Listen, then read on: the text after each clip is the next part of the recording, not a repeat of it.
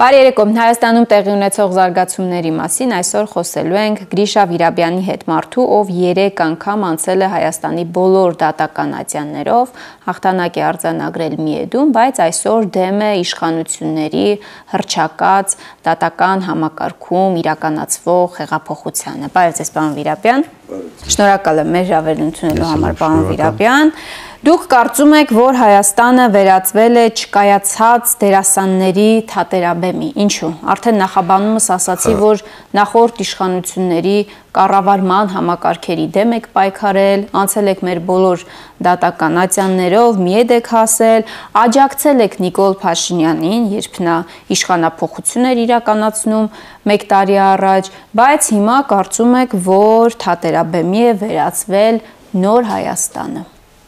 երբ ժողովուրդը միամուր կանգնեց Նիկոլ Փաշինյանի կողքին եւ բոլորս հույս ունեինք, որ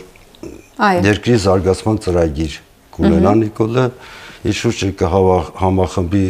գիտակից մարդկանց, ճանապարհ անցած մարդկանց եւ ցույց կտա ժողովրդին, թե ինքը Հայաստանը ուր է տանում, բայց հաղթանակից անմիջապես հետո եւ հատկապես հայտարարում էր ժողովրդի իշխանությունը ձերն է եւ նախարարներ էր այդպես փողոցում ազատում մենք ոչ մի դեպք չտեսանք որպիսի ինքը որևէ կադրային նշանակում անելուց ժողովրդի հետ խորհրդակցեր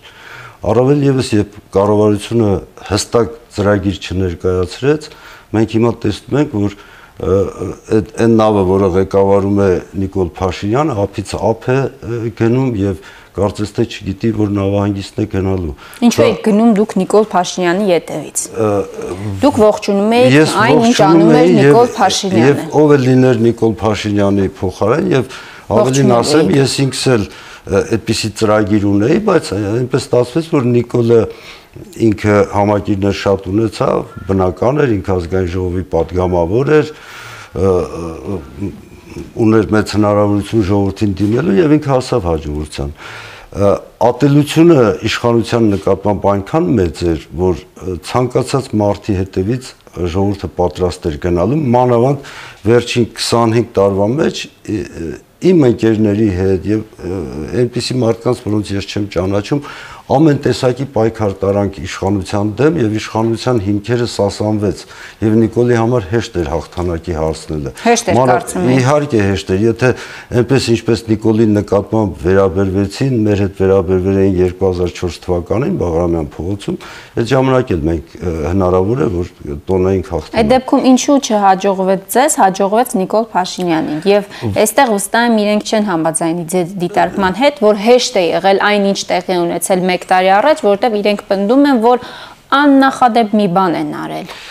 Անբացատրելի մի բան են արել։ Փրկիչի դեր չստանձնեն հեղափոխությունը այդպես չանվանեն, որ որպես փրկիչներ եկան փրկեցին եւ հիմա էլ հայ ժողովրդին թողեն այդպիսի կարգավիճակով, որ եթե մենք չլինենք, դուք մնալու եք ստրուկի կարգավիճակով, ժամանակն այնպիսին էր 2004 թվականին, որ ամեն քայլից հետո իշխանությունը թույլանում էր նաեւ նրանով, որ արդեն սպառվում է, ռեսուրս չուներ։ Պատկերացրեք մարտի 1-ից հետո, Սասնա դեպքից հետո այլևս իշխանությունը վիճակի չէր ուժ կիրառելու։ Իսկ 2004 թվականին դեռ այդպիսի դեպքեր չէին եղել եւ միջազգային հանրությունը այդպես կարմիր քարտեր ցույց չէր տվել եւ բնական է որ այդ ժամանակահատվածում մանավանդ սոցիալ-տնտեսական հարաբերությունները այդպես էին զարգացել, որ երկիրը այլևս այդպես կառուցել հնարավոր չէր։ Ես բազմաթիվ անգամ էկրանների առաջ ասել եմ, որ մենք մինչև քաղաքական գնահատական չտանք երեք նախագահների, հիմա էլ արդեն հասունանում է նաև Նիկոլ Փաշինյանի կատարած աշխատանքներին, երկիրը զարգացում չի ունենա։ Երեք նախագահներն էլ պետք է կանգնեն դատարանի առաջ։ Կասենք դրան անդրադառնալ։ Դուք ասում եք, որ վերածվել է Հայաստանը չկայացած դերասանների թատերաբեմի եւ Նիկոլ Փաշինյանին համեմատում եք Էլչիբեի հետ եւ իր ժամանակները կոչում եք Էլչիբեական ժամանակներ։ Ինչու։ Երբ կամայական որոշումներ է ընդունում մարդը, առավել եւս պետական այրը, երկրի վարչապետը, դա խոսում է այն մասին, որ դա մեկ թատրոնով դերասանի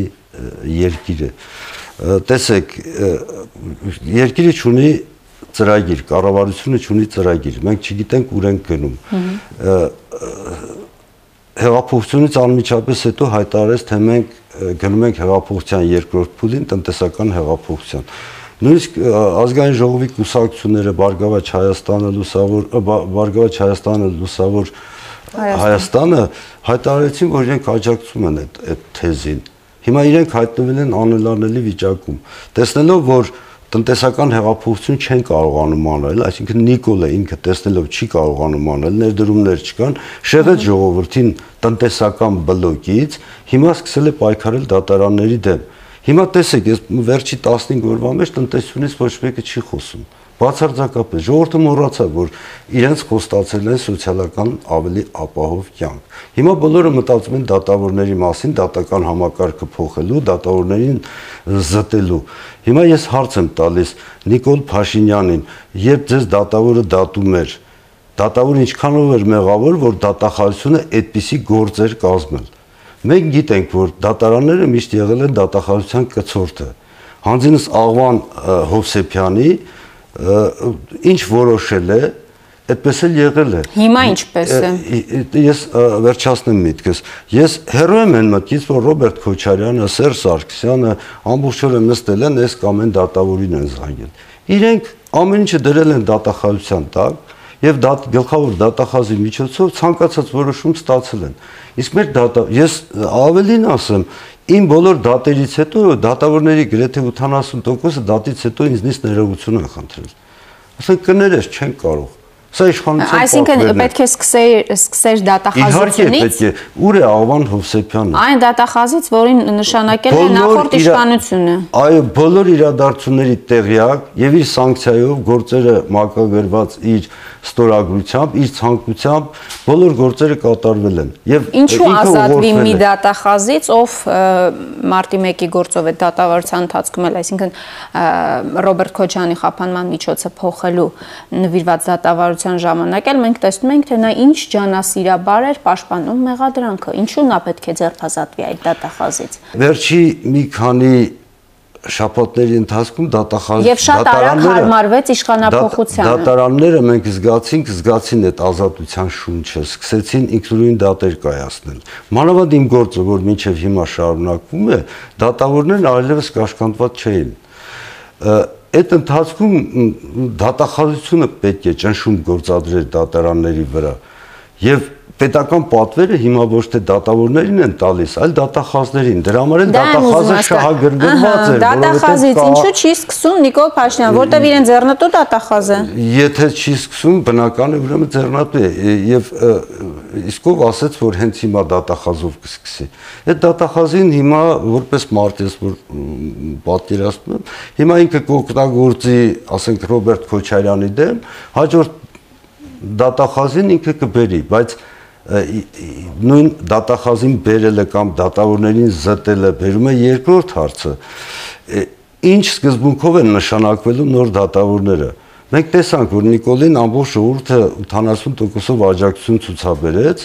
եւ տեսանք թե ինչպիսի կադրերով լծվեց ազգային ժողովը եւ կառավարությունը Եթե այդ սկզբունքով են լինելու այդպիսի մակարդակի դատավորներ, ավելի լավ է այս դե դատավորները։ Դե ամեն ինչ արդար չէ,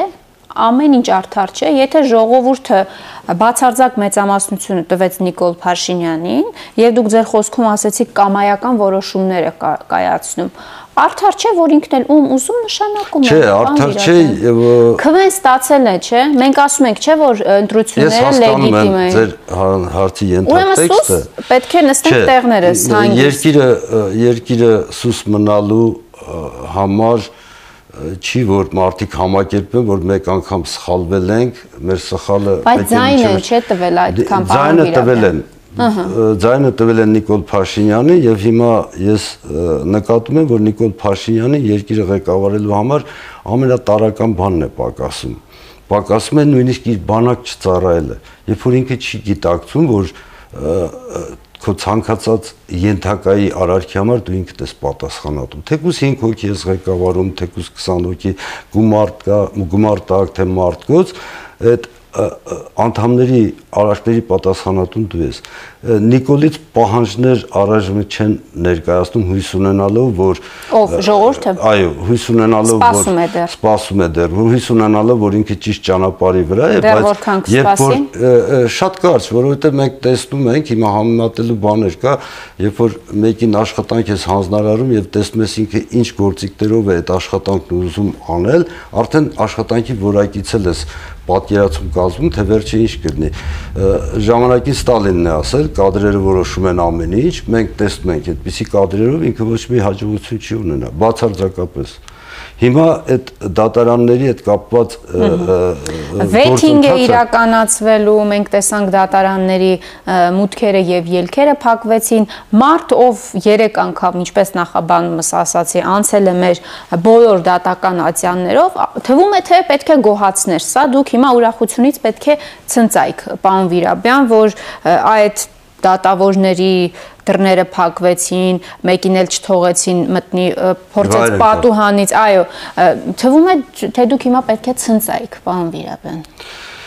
Հիշելով ձեր անցյալը։ Եթե ես այդ ամեն ինչի միջով անցել եմ ու զգում եմ թե դա ուր է տանում, դա ինձ չի ուրախացնում, որովհետև ես դրա տակ տեսնում եմ, որ այդ ամեն ինչի հետևում կանգնած է այն ցանկությունը, որ Հայաստանում պետք է տեղ ունենա սեփականության վերաբաշխում։ Իսկ մեր ժողովուրդը մտածում է, այդ վերաբաշխումը կլինի այդպես հարուստներից կխլեն, կտան իրենց, ուզում եմ հիշեցնել մեր ժողովրդին, բոլոր հասարակարգերում եւ երկրներում հարուստներն ամենապաշտպանվածն են։ Միշտ ուժում են ստորին խավը։ Եվ հիմա Ինչ կապ ունի սեփականության վերաբաշխումը դատավորներին փոխելու վեթինգի ենթարկելու հետ։ Որովհետեւ երբ իրենք որոշում են կայացնում, որ պետք է հանձնաժողովներով կամ չգիտես ինչ-ինչ ճանապարհով որոշեն տվյալ մարտի անաշխատ եկամուտները անցած ճանապարհը, դատարաններն իրենց համար վտանգ են ներկայացնում, որ կարող են արդար վճիրներ կայացնել, իսկ իրենց բերած մարտիկ կարող են իշխանությանը հաջող որոշումներ կայացնել բայց ամենակարևորը այն է որ վետինգի պարագայում նախապես չի ասում թե դատավորներն ինչ ճանապարհով պետք է ընտրվեն ինչ ճանապարհով պետք է նշանակվեն ես օրինակ առաջարկեի հասարակ ընտրություն անցկացնել տարածքներում, այսինքն այս մարզի ընդհանուր իրավասության դատարանի դատավորներ կամ քրեական գործի դատավորների այդ տեղերի համար տեղերում ընտրություն անցկացնել դատավորների եւ շատ կարեւոր է նաեւ դատավորների հետ կանչման པարզ մեխանիզմ, որպեսզի դատավորները լրիվ անկախ լինեն եւ կախված լինեն ժողովրդից։ Ասում եմ, չէ՞, Դուք հիմա մտավախություն եք, որ իրենց սիրելի դատավորների, այսպես ասած, կբերեն մարդկանց, ովքեր անվերապահորեն կկատարեն հրահանգները։ Իհարկե, ցանկացած պետական պաշտոնյա,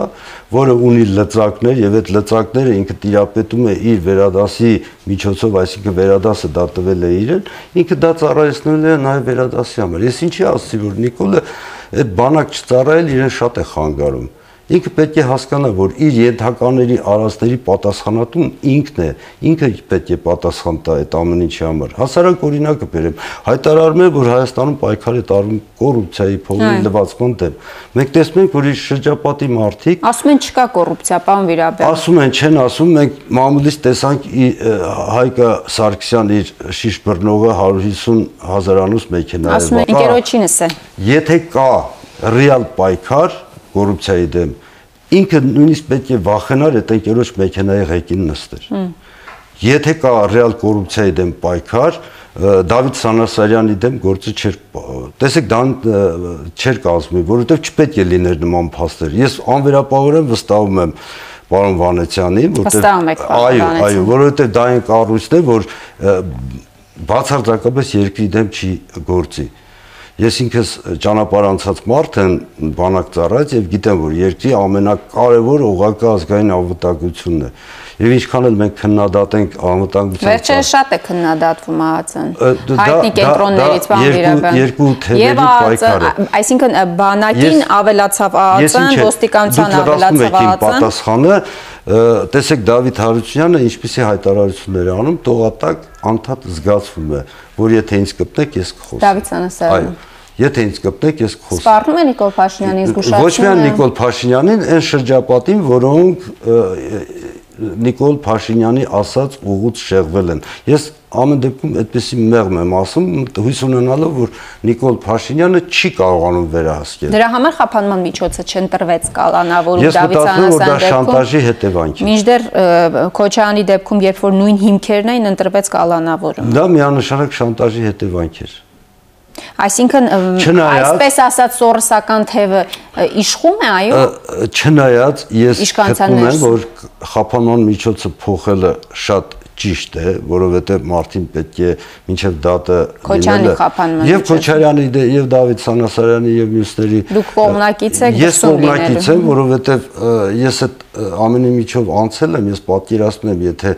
ինձ էլ կալանավորեին, ես հնարավորություններ չունենայի պաշտպանվելու, ինձ էլ հնարավոր է դա 2004-ին։ Այո, այո։ Եվ ես կողմ եմ այն մարդկանց, որոնց նկատմամբ քրեական գործ կա, ազատ թողեն խոսելու։ Այդ տեսեք Ռոբերտ Քոչարյանը մի հետարքիր միտք ասեց, որ ինձ համար շատ շատ հետարքիր էր, ասեց 10 զոհերից 7-ը 7-ին ոչ իշխանությունն է տեղյակ, ոչ ընդդիմությունը։ Պետք է թողել մարդիկ խոսեն։ Եվ այդ Ման Վիրաբյան, մարտի 1-ի մասով դուք մի ուշագրավ դիտարկում եք արել, դուք մասնակիցն եք եղել այդ իրադարձությունների, դուք բարիկադի այն կողմում եք եղել, դուք եղել եք ընդդիմության կողքին եւ դիմելով պարոն Փաշինյանին դուք ասում եք. Հիմա հիշիր թե ոնց է իր մարտի 1-ին Մյանստիկյանի արցանի մոտ մարդկանց կոչ անում հարևան շինհրապարակի երկաթյա ձողերով, փայտերով զինվեն։ Կոչ արեցիր մարդկանց զինեցիր փայտերով ու զոհերել եղան։ Դու այսքան տարվա մեջ ոչ մի անգամ դա չես խոստովանել ու լռում ես կբացեք փակագծերը։ Իսկապես նման բան է եղել։ Ես մասնակցել եմ բոլոր օրերի միջոցառումներին, որի վկան է եղել Գարիկ Մարկարյանը, Աշոտ Մանուչարյանը, երբ մենք հավաքվում էինք Գարիկ Մարկարյանի կուսակցության շտաբում ավելին ամեն օր նախատեսում էր ինձ ելույթ տալ, բայց ինչ-ինչ պատճառներով ելույթը հենց անձամբ Նիկոլ Փաշինյանը գիտի եւ Սուրենը Սուրենյանց, որոնք վարում էին միտինգը, ինձ վերջի պահին թույլ չէին տալի, հետո ես իմացա ինչ։ Ով չէր թողում։ Այդտեղ կար կուսակցության ղեկավարներից մեկը, որը ժամանակին իմ դեմ է խոսել, մտածելով, որ հայտարարել է, որ ես իշխանության ական եմ, խոսքը Ստեփան Դեմիրճյանի մասին է Եվ ինքը վախենում էր, որպեսի ես ելույթ ունենամ, ժողովուրդն ասել, բա դու ասում ես, որ իշխանության կողմից մարդեր միջև հիմա պայքարում եւ այդ պատճառով ինձ հետո ասեցին։ Հասկանալի։ Հա, ես այդ ամենին մասնակցել եմ ինձ համար դաս եղավ փետրվարի 26-ը, երբ Սերժ Սարգսյանի հանրահավաքից Բույսային պողոտայով եկան միացան մեզ Եվ այդ օրը ես մտածում էի, որ բոլորս կշարժվենք նախագահական նստավայր, որտեղ իշխանությունը այնպեսի թուլացած վիճակում էր, որ դիմադրություն ցույց չէր տա։ Այդ բանը չարվեց։ Դրանից հետո նորից շարունակական միտինգներ էր արվում եւ օր-օրի մարդիկ արդեն ծվրնում էին։ Ինձ համար շատ հետաքրքիր էր, թե ինչով կավարտվի։ Իսկ երբ վերջերս ես լսեցի այն ձայնագրությունը, որ Արզումանյանն ասում է, ինչքան կա հավաքեք տարեք, չէ, թող իմանան մարդիկ, չէ, թող իմանան ես վիրավորված եմ, որտեվ ես այդ տեսակը, չէ, ես նվիրված գնացել եմ պայքարի եւ ավելին ասեմ, Արտաշատից եկած իմ տղաներից մի քանիսը ոդքերից վիրավորված էին, իրենք էլ ներքին կարգով հետախուզման մեջ էին ես ինքս եմ այդ ժամանակ ոստիկանապետը փոխվել էր ես ինքս եմ հետո Ալեքս Սարգսյանին խնդրել որպեսի անznագրայինի պետի միջոցով ավերացում խփեն եւ այդ տղաներին ես հանրապետությունից դուրս եմ հանել Ռոստով են գնացել այնպես որ ես իմ ընկերների հետ վիրավորված եմ այն հանգամանքից որ Փաշինյանը կոչ է արել զինվել փաստորեն երկաթյա ձողերով եւ փայտերով այո մարտի 1-ի կոչ աներ չաներ բոլորը զինվում էինք, բայց իրոք այդ հարակից շինհրապարակից Դուք գրել եք թե ոնց է իր մարտի 1-ին։ Այո, այո, ես ասում եմ աներ թե չաներ միևնույնն է զինվելու ենք, բայց իրոք ինքը անում էր, որովհետև մենք դուրս էինք եկել պայքարի եւ իշխանության համար էր պայքարը։ Մենք գիտեինք, որ հեշտ հեշտ հաղթանակի հասնել հնարավոր չի։ Եվ եթե այդպիսի զարգացում ստացավ այդ ամեն ինչը, ասեմ ավելի, եթե մենք նախապես իմանանք այդպես էր լինելու, էլի այդ պայքարը չէր դադարելու։ Ուղղակի ժողովրդի եւ մեր հատկապես մասնակիցների հիասթափություններն էր, որ Լևոն Տեր-Պետրոսյանը թողեց մարդկանց եւ գնաց ինքը իր տանը նստեց, թողեց ժողովրդին մենակ։ Գիտե Պետմասով Միեդը վճիռ կայացրել է, որ տնային կալանքի տակ չի եղել առաջին նախագահը։ Ամենաարդար վճիռը մեր ժողովրդի վճիռն է, որ արդեն մենք գիտենք այս իշխանության դեմ պայքարում ով ինչպես է պայքարել Դուք ասում եք ժողովրդի վճիռ, բայց տպավորություն է եւ հասարակական կարծիք է ստեղծվում, որ մեկ մեղավոր կա այս ամեն ինչի, դա երկրորդ նախագահ Ռոբերտ Քոչարյանն է եւ այսօրվա իշխանությունները նրան նշանակել են գլխավոր մեղավոր եւ այս կերպ ըստ էության ակնարկում են եւ ուղիղ տեքստով նաեւ հայտարարում են 1 տարի առաջ այսօրը հիշում եք հանրապետության հրապարակում Նիկոլ Փաշինյանը հայտարարեց մարտի 1-ի գործը բացահայտված է եւ ավելի վաղ հայտարարել էր մարդասպանը նստած է Բա դրա համար եմ ասում երկիրը վերածվել է մեկ թատրոնու դերասանի ես հիմա ել եմ կրկնում ոչ ոք ինչ չի կարող մեղադրել Ռոբերտ Քոչարյանին, Սերժ Սարգսյանին կամ Լևոնին պաշտպանելու մեջ։ Ինչ չի հետաքրքրում շատ գլոբալ հարցեր, որ այսօր դրված են դատարանի առաջ, դատախազության առաջ, Նիկոլի առաջ։ Ինձ հիմա հետաքրքրում է այն 10 հոգու վրա ովքեր են կրակել։ Ովքեր են կրակել։ Դե գործ չունենք հարուցված այդ Դե դե եթե չունենք, ուրեմն նշանակում է պետք է հնարավորություն տալ նաև Ռոբերտ Քոչարյանին, որպես ինքը իր ասելիքն ասի, ոչ թե կալանալու։ Ինչու իշխանությունները չեն հետամուտ լինում այդ 10 անձանց սպանությունների բացահայտմանը։ Եվ մեղադրանքը համանadrական կարգի տապալման մասով է։ Ինչու՞։ Ինչու ձեռնտու չէ։ Որտեղ բաժինը կա։ Ցանկացած ցանկացած ընթարում երկկողմանի է լինում։ Ցանկացած ընթարում։ Եվ ամենակարևորն այն է, որ այդ ամեն ինչի մեջ ոչ այնքան բանակին կարելի էր մեղադրել, ինչքան դատախազությանը։ Պարոն Վիրաբյան, տեսեք, դուք ձեր գրառման մեջ ասում եք, դու այսքան տարվա մեջ ոչ մի անգամ դա չես խոստովանել ու լռում ես։ Բայց չէ որ լռողի դերում միայն Նիկոլ Փաշինյանը չէ բազմաթիվ մարդիկ, ովքեր ներկա են եղել այդ իրադարձություններին, հասարակական, քաղաքական գործիչներ։ Նիկոլը հիմա լրողի դերում չի։ Ու ինչ ձեռնտու է նա է խոսում։ Նիկոլը հիմա որոշողի դերում է։ Դրա համար էլ այդ հարցադրումը ես արել եմ իրեն։ Ինքը որպես որոշող պետք է սկսի դրանից ինչու է լռում? Ավելին ասեմ ամենակարևոր հարցերում ինքը լռում է ամեն ինչ թողում է ժողովրդի վրա եւ անում է այն մեկ թատրոնի դերասանի հայտարարությունը Նիկոլ Փաշինյանը ինքը կատարել է պետական հանցագործություն Երբ որ Ղարաբաղի գեներալիտետին, ինչ որ մութ ուժերի հայտարարում է, որ իրանք պատերազմ են սկսելու, տարածքներ զիջեն, դավադիր պատերազմ, եթե նույնիսկ նման փաստեր կան, երկրի ղեկավարը Դա պետական գաղտնիք է, իրավունք չուներ ասելու։ Եթե նույնիսկ չկանել, եւ կամ ինչու ձերբակալվածներ չկան, եթե կան Եթե չկարել այդպիսի բան, էլի իրավունք չուներ ասելու, դա նշանակում է կարտ բլանշ տալ մեր հակառակորդին։ Որևէ պարագայում իրավունք Որևէ պարագայում իրավունք չուներ։ Ինքը կարող էր բանակի հետախուզության, հակահետախուզության միջոցով, եթե դատախազությանը չէր վստահում, այդ բոլոր փաստերը հավաքեր, ինչ որ ձևով ինչու է ինչու է դեպքում արվեց նման հայտարարություն? Ինչու ենք մենք հասել այն կետին երբ հանրապետության մայրաքաղաքում Երևանի սրտում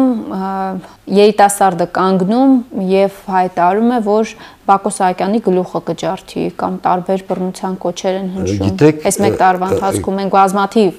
կոչերի ականատես եղանք փռելով, ծեփելով, վզներից բռնելով, ծնոտին տալով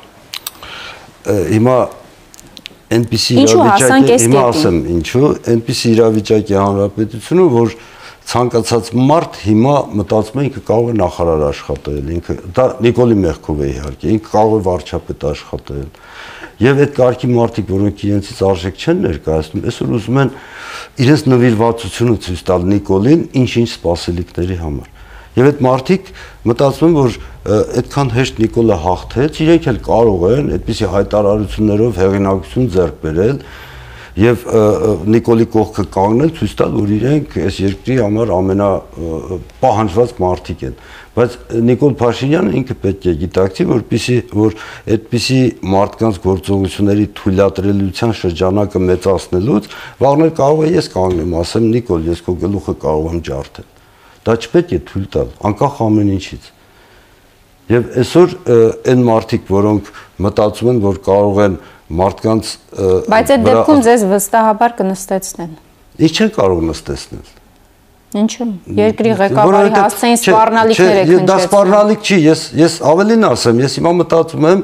հուլիսի վերջին, օգոստոսի սկզբին, եթե այդպես շարունակի, ես ինքս իմ համակիրներով հանրավակ անել եւ պահանջել, որպիսի պատասխանատվության ենթարկեն հանրապետության 3 նախագահներին Դուք ասում եք երեք նախագահներին պետք է պատասխանատվության ենթարկեն, բայց արդեն իսկ տեղեկատվություն կա եւ տեղեկատվություն է շրջանառվում, որ անցումային արդարադատության, այսպես ասած, այդ փուլը ընդգրկելու է 98 թվականից այս կողմ։ Այսինքն առաջին նախագահի պաշտոնավարման տարիները դուրս են մնում եթե հիշում եք հաղորդման սկզբում ասացի երեք նախագահներին պատժել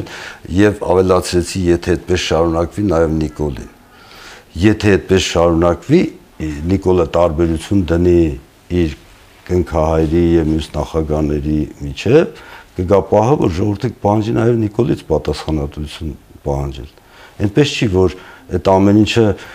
ժողովուրդը այդ երբ Նիկոլի ղեկավարմամբ այդպես հեշտ հեշտ հաղթեց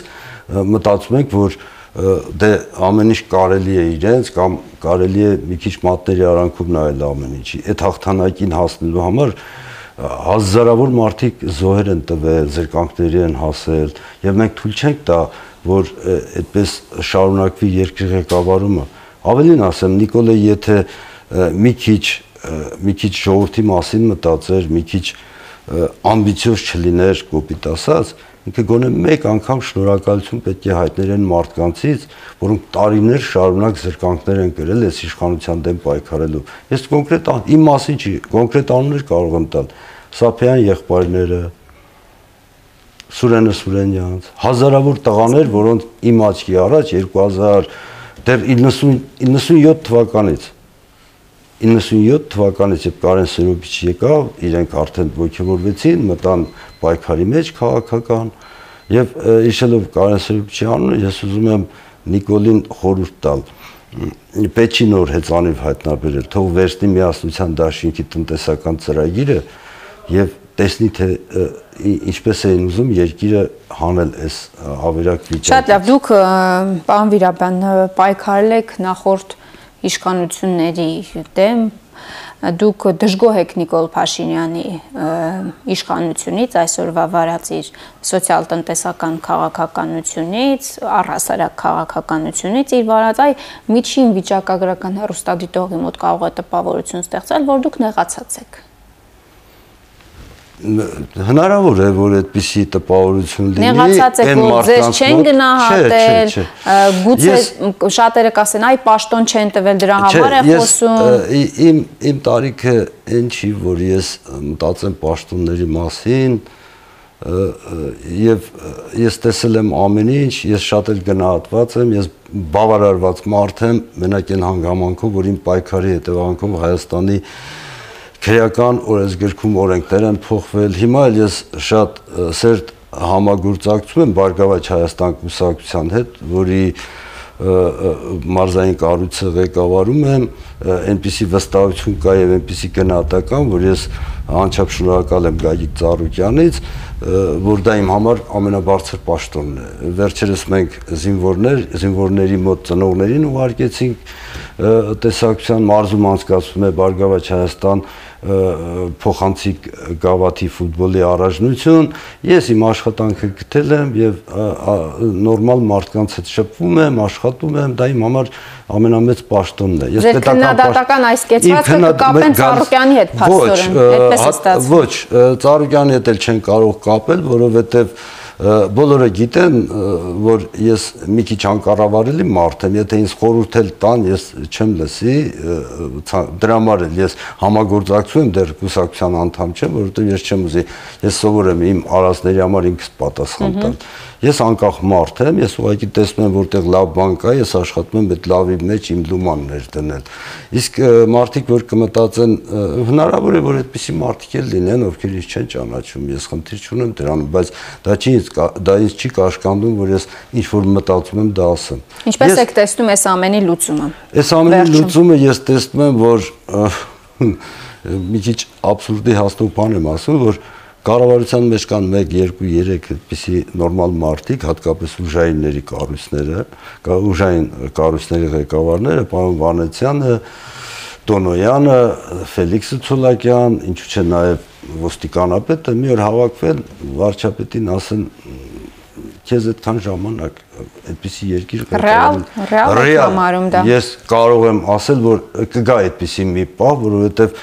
միշտ ուսադիր կրող մարդիկ պետության մասին ավելի շատ բան գիտեն ու ավելի շատ ինֆորմացված են ու ավելի շատ են մտածում բայց այդ սցենարը վստահաբար պարոն Փաշինյանը հաշվարկել է թող հաշվարկի վերջապես գումարելիները գումարում է ժողովուրդը մի օր կգա այդ պահը որ ժողովուրդը իրենից կպահանջի դա որովհետև ես էլ եմ ասում տարիների զրկանքները իզուր չի անցել մարդիկ կգտնվեն որ իր նման կարող պատրաստ են մենք միշտ էլ պատրաստ ենք եղել այդ փշալարը անցնելու ես հիշում եմ ապրիլի 12-ը եւ այդ ադյալներ կար, փայտեր կար, որ պատրաստ էիք փշալարն անցնել, միայն Արամ Սարգսյանը խնդրեց, ասեց առաջմս պետք չի։ Այդ ժողովուրդը չի կարող համակերպել այդ ամեն ինչը։ Նիկոլ Փաշինյանը պետք է գիտակցի, որ իրենից սпасելիքները ավելի շատ են, քան եղել է Սերժ Սարգսյանից։ Իրեն վստահության ավելի մեծ քվոտա է։ Կամ որևէ իշխանությունից։ Կամ որևէ, այո, այո։ Ինքը պատասխանատու է ժողովրդի առաջ եւ եթե այսօր և, և, և, և, և, և, և, և, և,